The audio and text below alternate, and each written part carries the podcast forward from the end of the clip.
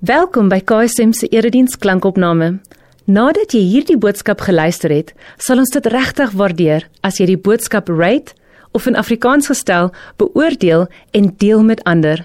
Jou terugvoer help ander om saam met ons die Jesuslewe te ontdek, omdat Jesus alles verander. Hier is vandag se boodskap. Vader, die enigste rede hoekom ons mens kan wees, die enigste rede waarom ons lewe waarom waarom ons kan asemhaal, beweeg, mens wees is omdat U goed is en omdat U sonder einde goed is. En daarom Here wil ons sing oor die goedheid van ons Vader. Ons Vader wat so goed is dat hy sy seun vir ons gegee het, vir my gegee het sodat ek kan lewe. Kan lewe soos wat Jesus moontlik maak. Ons wil nie net sing oor die goedheid nie, Vader, ons wil praat en vertel van u goedheid. Ons wil leef vanuit u goedheid. En ons wil u goedheid deel. En kom leer vir ons vanaand ook, Here, van die lewe. Kom leer vir ons van emosie. Kom leer vir ons van ons eie donker kante en ons eie sukkel en ons eie swaar. Kom skyn die lig van u woord vanaand op elkeen van ons se lewens. In die naam van Jesus. Amen. Julle kan bly blaai in julle Bybels na 1 Samuel hoofstuk 1. En ek gaan die storie lees. Dit is 'n pragtige verhaal van 'n vrou met die naam Ester. Baie nie Ester nie, Hanna.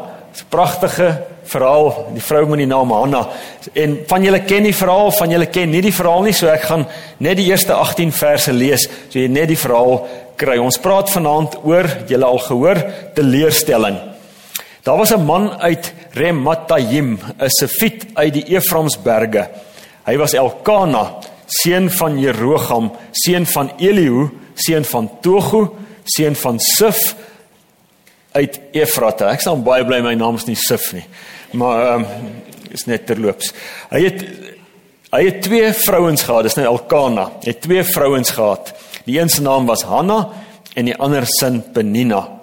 Penina het kinders gehad, maar Hanna nie. Elkana het elke jaar uit sy stad uit na Silo toe gegaan om te aanbid en aan die Here die Almagtige offers te bring. Elidus die hoëpriester se twee seuns Hofni en Pinias was in Silo priesters van die Here. Elkana het gewoonlik op die dag wanneer hy geoffer het, dele van die offermaaltyd aan sy vrou Penina en al haar seuns en dogters gegee. Alhoewel hy vir Hanna liefgehad het, kon hy vir haar elke keer net een deel gee, want die Here het haar kinderloos laat bly. Dan het die ander vrou haar baie gespot en verneder omdat die Here haar kinderloos laat bly het. So dit jaar na jaar vir jaar gegaan. Belangrik hierdie dit het so gegaan jaar vir jaar. Elke keer as Hanna in die huis van die Here gaan offer het, is in die tempel, het Penina haar gespot sodat sy gehuil het en nie wou eet nie. En dan sê haar man Elkana vir haar: "Hanna, waarom huil jy? Waarom eet jy nie en waarom is jy hartseer? Is ek nie vir jou meer werd as 10 seuns nie?" Op 'n keer na die offermaaltyd in Silo het Hanna opgestaan terwyl die priester Eli op sy stoel langs die deurkusyn van die tempel van die Here gesit het. Sy was bitter hartseer en terwyl sy tot die Here gebid het, het sy onbedaarlik gehuil. Sy het 'n gelofte afgelê en gesê: Here Almagtige, As u tog op my ellende wou let en aan my u dienares wou dink en my nie vergeet nie en my 'n seun gee, sal ek hom sy lewe lank aan u gee. As 'n teken daarvan sal ek sy hare nie af sal sy hare nie afgesny word nie. Sy het lank tot die Here gebid en Eli het stip na haar mond bly kyk. Hanna het in haar gedagtes gepraat, net haar lippe het geroer. Eli kon nie haar stem hoor nie en daarom het hy gedink sy's dronk. Hy sê toe vir haar: "Hoe lank wil jy dronk bly? Loop word eers nugter." Maar Hanna het geantwoord: "Nee meneer. Ek is maar net 'n vrou wat diep te neergedruk is. Ek het nie wyn of bier gedrink nie. Ek het my hart uitgestort voor die Here. Moet tog nie dink ek is 'n slegte vrou nie. Dis oor my groot smart en leed dat ek so lank bly praat het. En toe sê Eli: "Wees gerus en gaan nou maar. Die God van Israel sal aan jou gee wat jy van hom afgesmeek het." En sy het gesê: "Mag dit vir my wees soos u sê." Sy het geloop en gaan eet en sy was nie meer bedruk nie. Die volgende môre het Elkana hulle vroeg opgestaan, die Here aanbid en teruggegaan huis toe. Hele klomp jare gelede was daar 'n dominee wat 'n boek geskryf het. En hy het hierdie boek, die manuskrip van hierdie boek het hy na 'n uitgewer toe gevat en die uitgewer het die boek afgekeur. En hy het die boek na nog 'n uitgewer gewer toe gevat.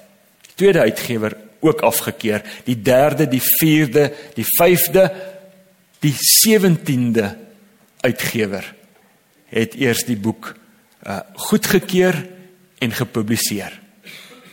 Nou die dominee se naam is Eugene Peterson, hy's 'n jaar of wat gelede oorlede.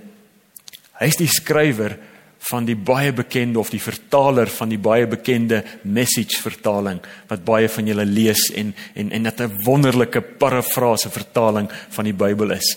En hierdie spesifieke boek wat hy geskryf het, die boek se titel is The a Long Obedience in the Same Direction. Dit's 'n boek oor disippelskap. Ek het verlede week uit hierdie boek uit aangehaal by 'n praatjie wat ek gelewer het boek wat vandag nog verkoop word. 'n boek, 'n boek wat vandag nog baie betekenis het in baie mense se lewens.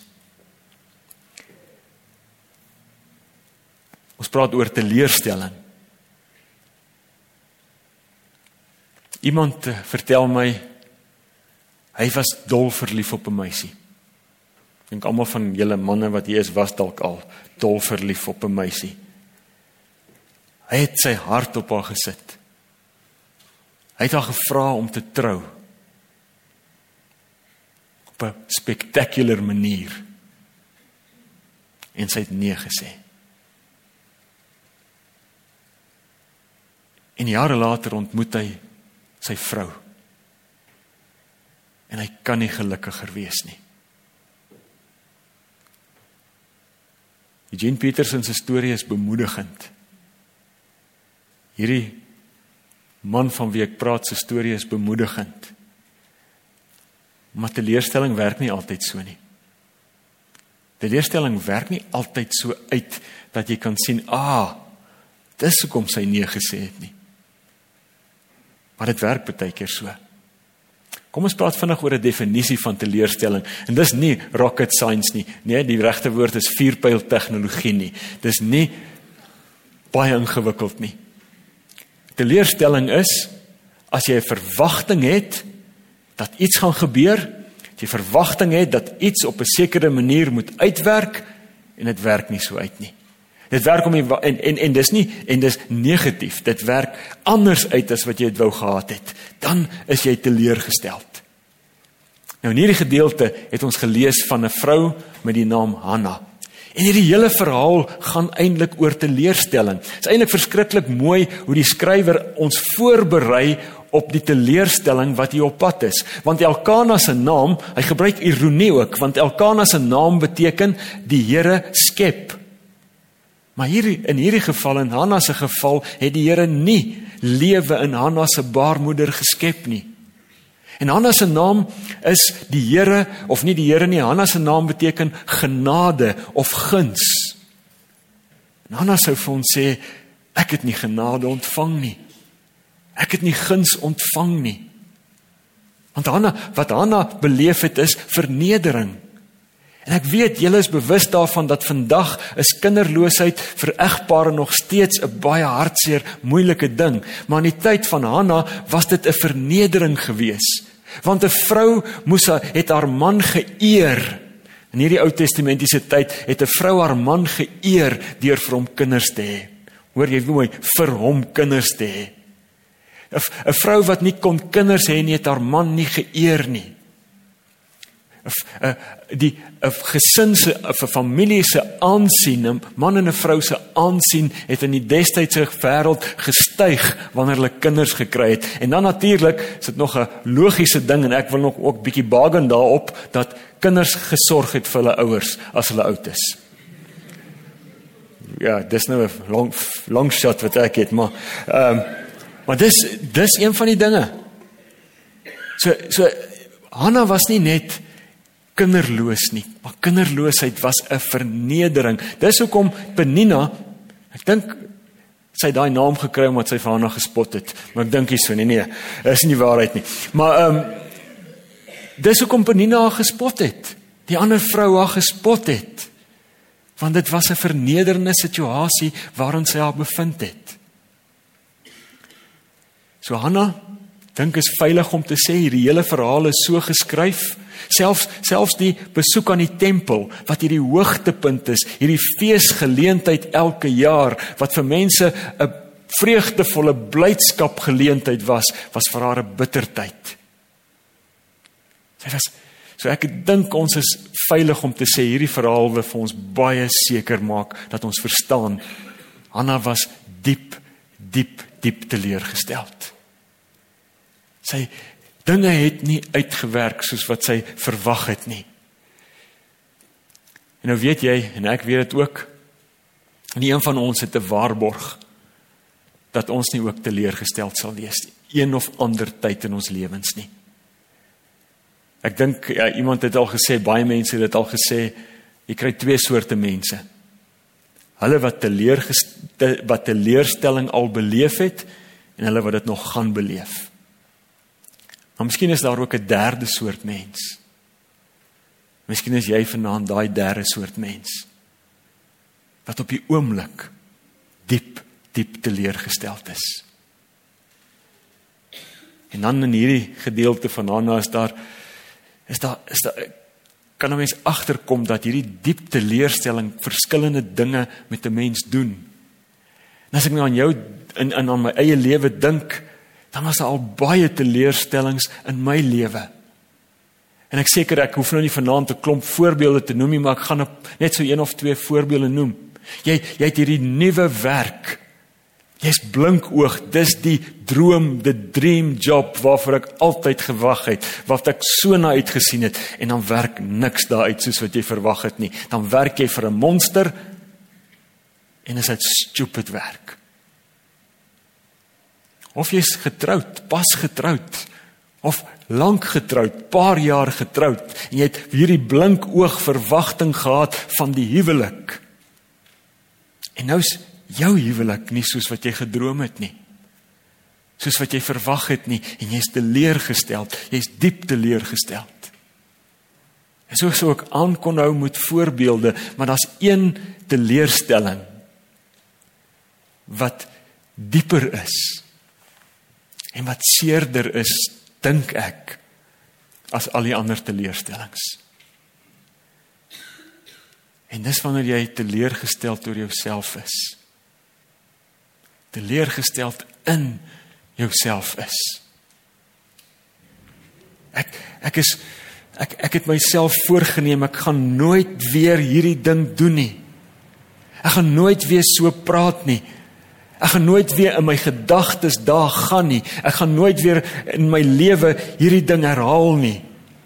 En as jy weer sien dan jy weer daar ge, so gepraat, het jy weer so gedink en het jy weer daar gegaan.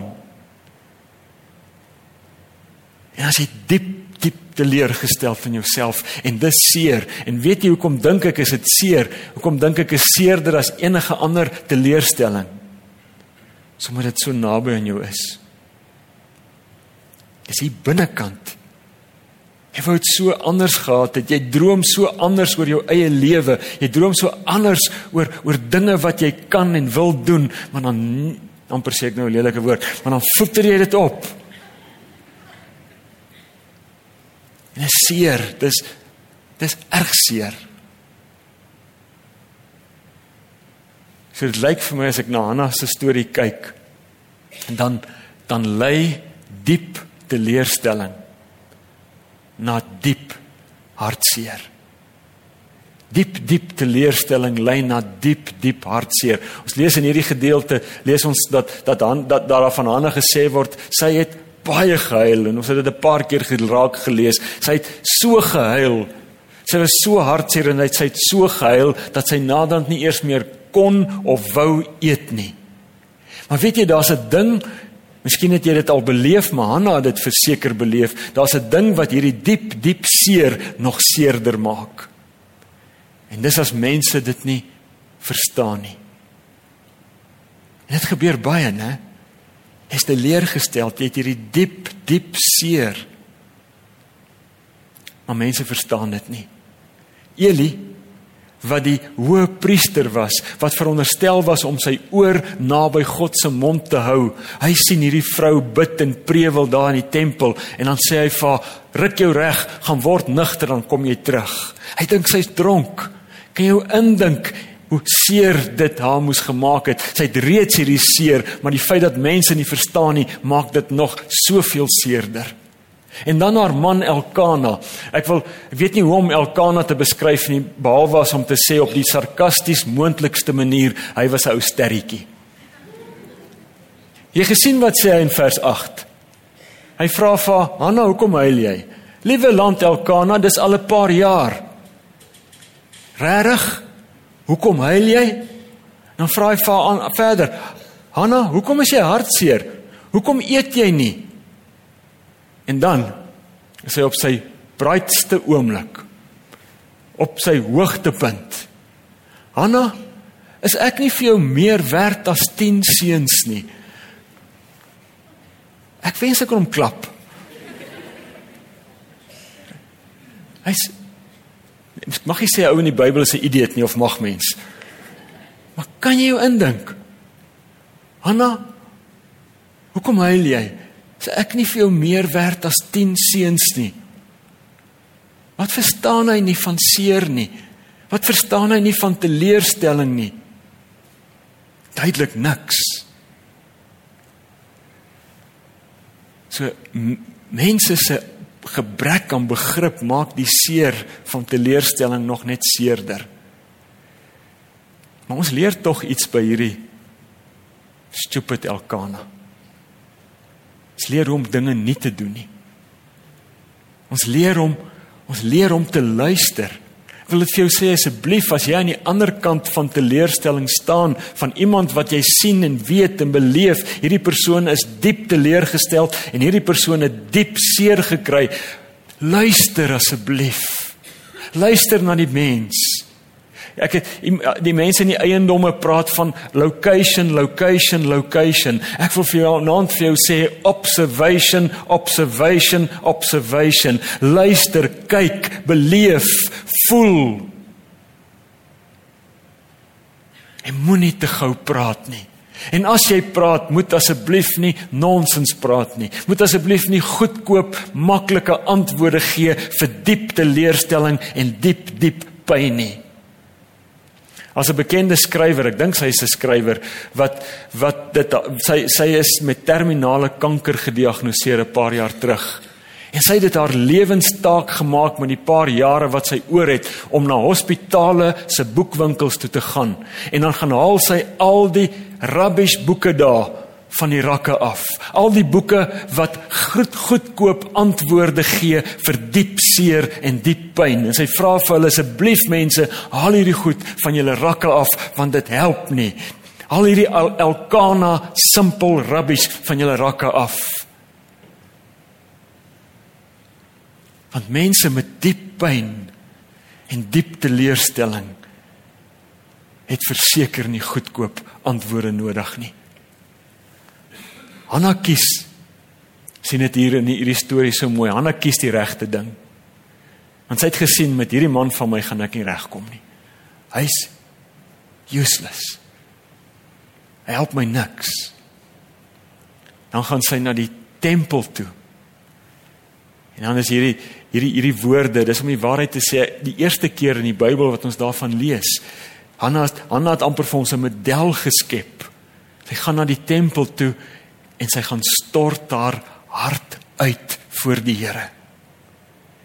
En dit is so mooi om om om dit raak te sien want wat wat Hanna hier doen as as as jy hoor sy stort haar hart voor die Here uit, dan moet jy hoor sy het nie haar woorde mooi gekies nie.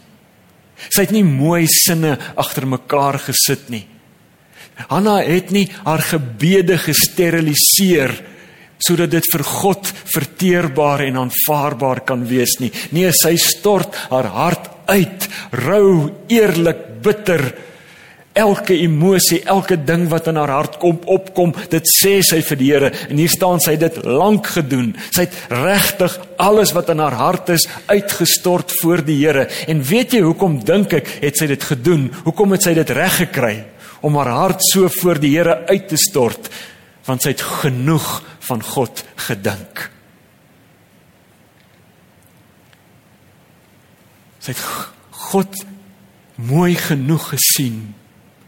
Sy het genoeg van hom gedink dat sy gedink het ek kan maar ek kan eerlik wees. Ek hoef nie my gebede te steriliseer nie. Ek kan dit net soos wat ek dit hier voel vir die Here uitstort. Miskien moet jy ook meer van die Here dink. Soveel van hom dink dat jy bereid sal wees om jou hart leeg te maak vir hom. As jy na die kruis van Jesus kyk, dan sien jy hoeveel dink God van jou. Hy het sy seun gegee vir jou.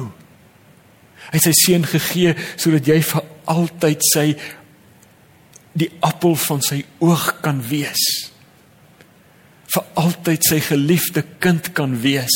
Nou kan jy vir jou indink dat hierdie liefdevolle Vader wat sy seun gegee het sodat jy in 'n verhouding met hom kan leef vir altyd, dink jy hy sal frons as jy in jou pyn en jou diepste pyn en teleurstelling jou hart eerlik opreg leeg maak voor hom? Verseker nie. Daar's niks wat jy op enige manier kan sê wat kan maak dat hierdie liefdevolle Vader 'n bietjie minder lief is vir jou nie. Die kruis wys hoe lief hy jou het. Volmaak. Vers 18 gebeur daar 'n merkwaardige ding. Dit is Hanna het nou haar hart uitgestort.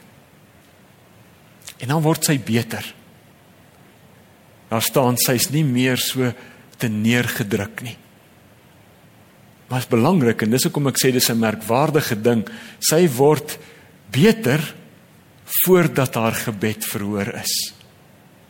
Mens sien dit baie keer in die psalms ook. Psalm 22 is 'n mooi voorbeeld. Die skrywer van daardie psalm stort sy hart voor die Here uit en dan voor hy nog sy gebed afsluit, dan sy al klaar bly. So hy hy's besig, hy stort uit. Hy's hy's hy's vreeslik bly en dan sluit hy sy gebed af. Hoekom? Nie omdat die oplossing daar is nie. Nie omdat die probleem uit die weg uit geruim is nie, maar omdat hy opnuut weer sy vertroue in die Here gestel het. Hy het weer gesien wie is hierdie God En Hanna het gesien wie is hierdie God wat ek kan vertrou met my seer, met my teleurstelling, met alles wat ek beleef. Vers vers 11 is in 'n sekere sin, om net so vinnig by hom stil staan. Dit is in 'n sekere sin 'n gevaarlike vers. Mens kan hom verkeerd verstaan. Want wat daar gebeur is en ek sê dit in my eie woorde, Hanna sê vir die Here, Here, ek gaan Ja, ek wil verskriklik graag hierdie kind hê. U weet hoe graag ek hierdie kindjie wil hê, 'n seun wil hê. Maar al wil ek hierdie seun hoe graag hê, wanneer ek hom kry, as u vir my hierdie seun gee, dan gee ek hom onmiddellik vir u terug. So mense kan dink dat dat dis die manier hoe ons moet bid. As ons vir die Here iets vra, moet ons 'n gelofte aflê dat wanneer hy dit vir ons gee, dan sal ons vir hom iets gee.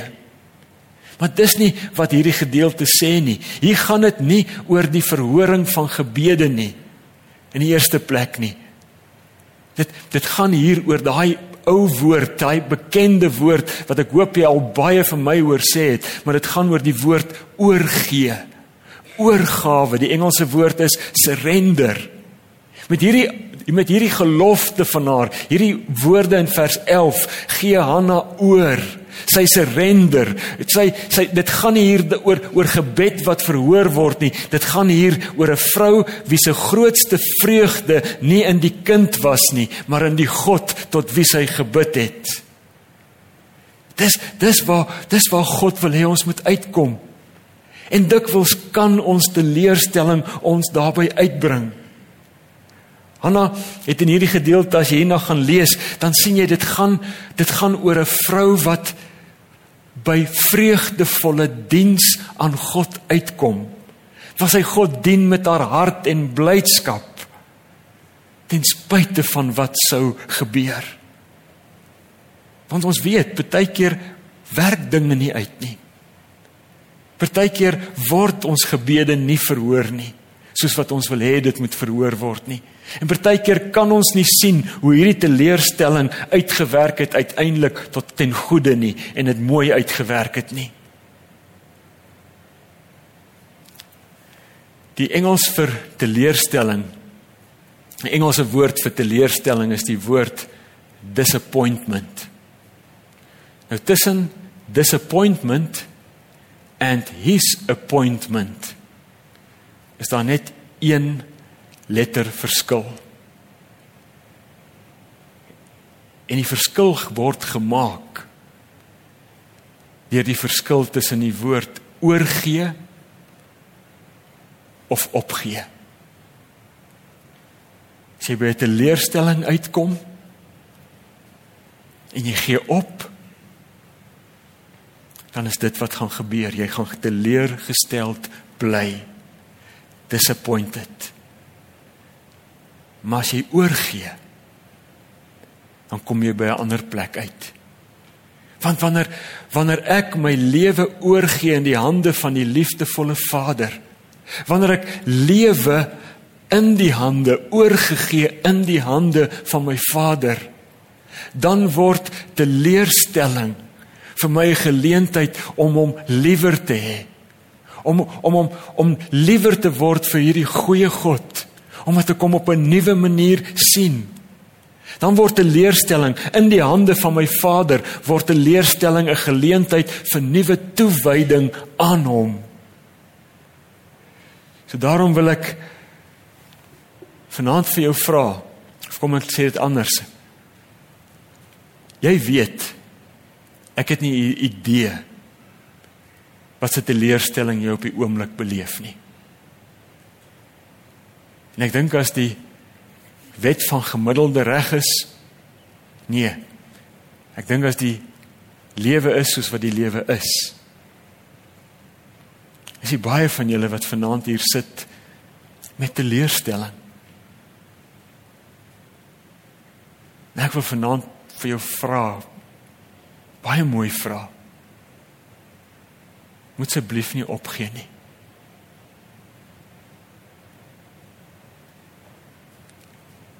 Moenie opgee nie.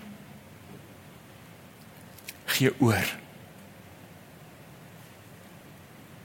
Gee jou hande oor in die gee jou lewe oor in die hande van die goeie Vader. Want weet jy wat? As jy dit doen, dan gee jy jou hande oor in die lewe oor in die hande van Jesus. En Jesus is die een wat die diepste denkbare teleurstelling beleef het. Is niemand wat tog ooit so teleurgesteld was soos Jesus nie. Jy gee jou hande oor in die in die lewe van Jesus.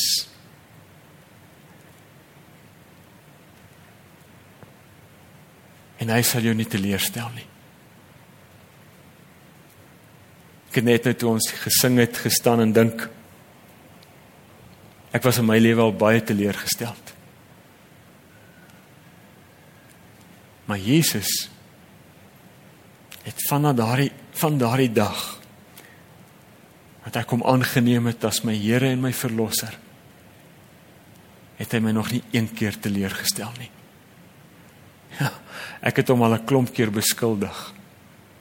Dat hy my teleurgestel het. Wanneer ek my hart voor hom uitstort, ek gesê Here Jesus, ek is teleurgestel. Maar ek het vir jou waarborg vanaand. As jy oorgie aan Jesus, al stel die hele wêreld jou te leer en al stel jy jouself so dikwels te leer. Jesus doen dit nooit.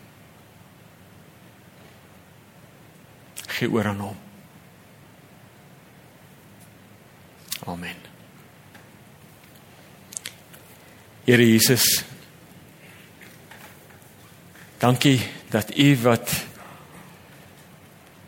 die diepste diepste teleurstelling al in U lewe hier op aarde beleef het. Hoe mense gemaak het, hoe mense gedoen het, hoe mense met U gemaak het, hoe mense met mekaar gemaak het. Dankie dat U nie opgegee het met ons nie. Here Jesus, ek het myself al baie keer teleurgestel. Ek was al baie keer diep teleurgestel in myself. En dit het my hart gebreek.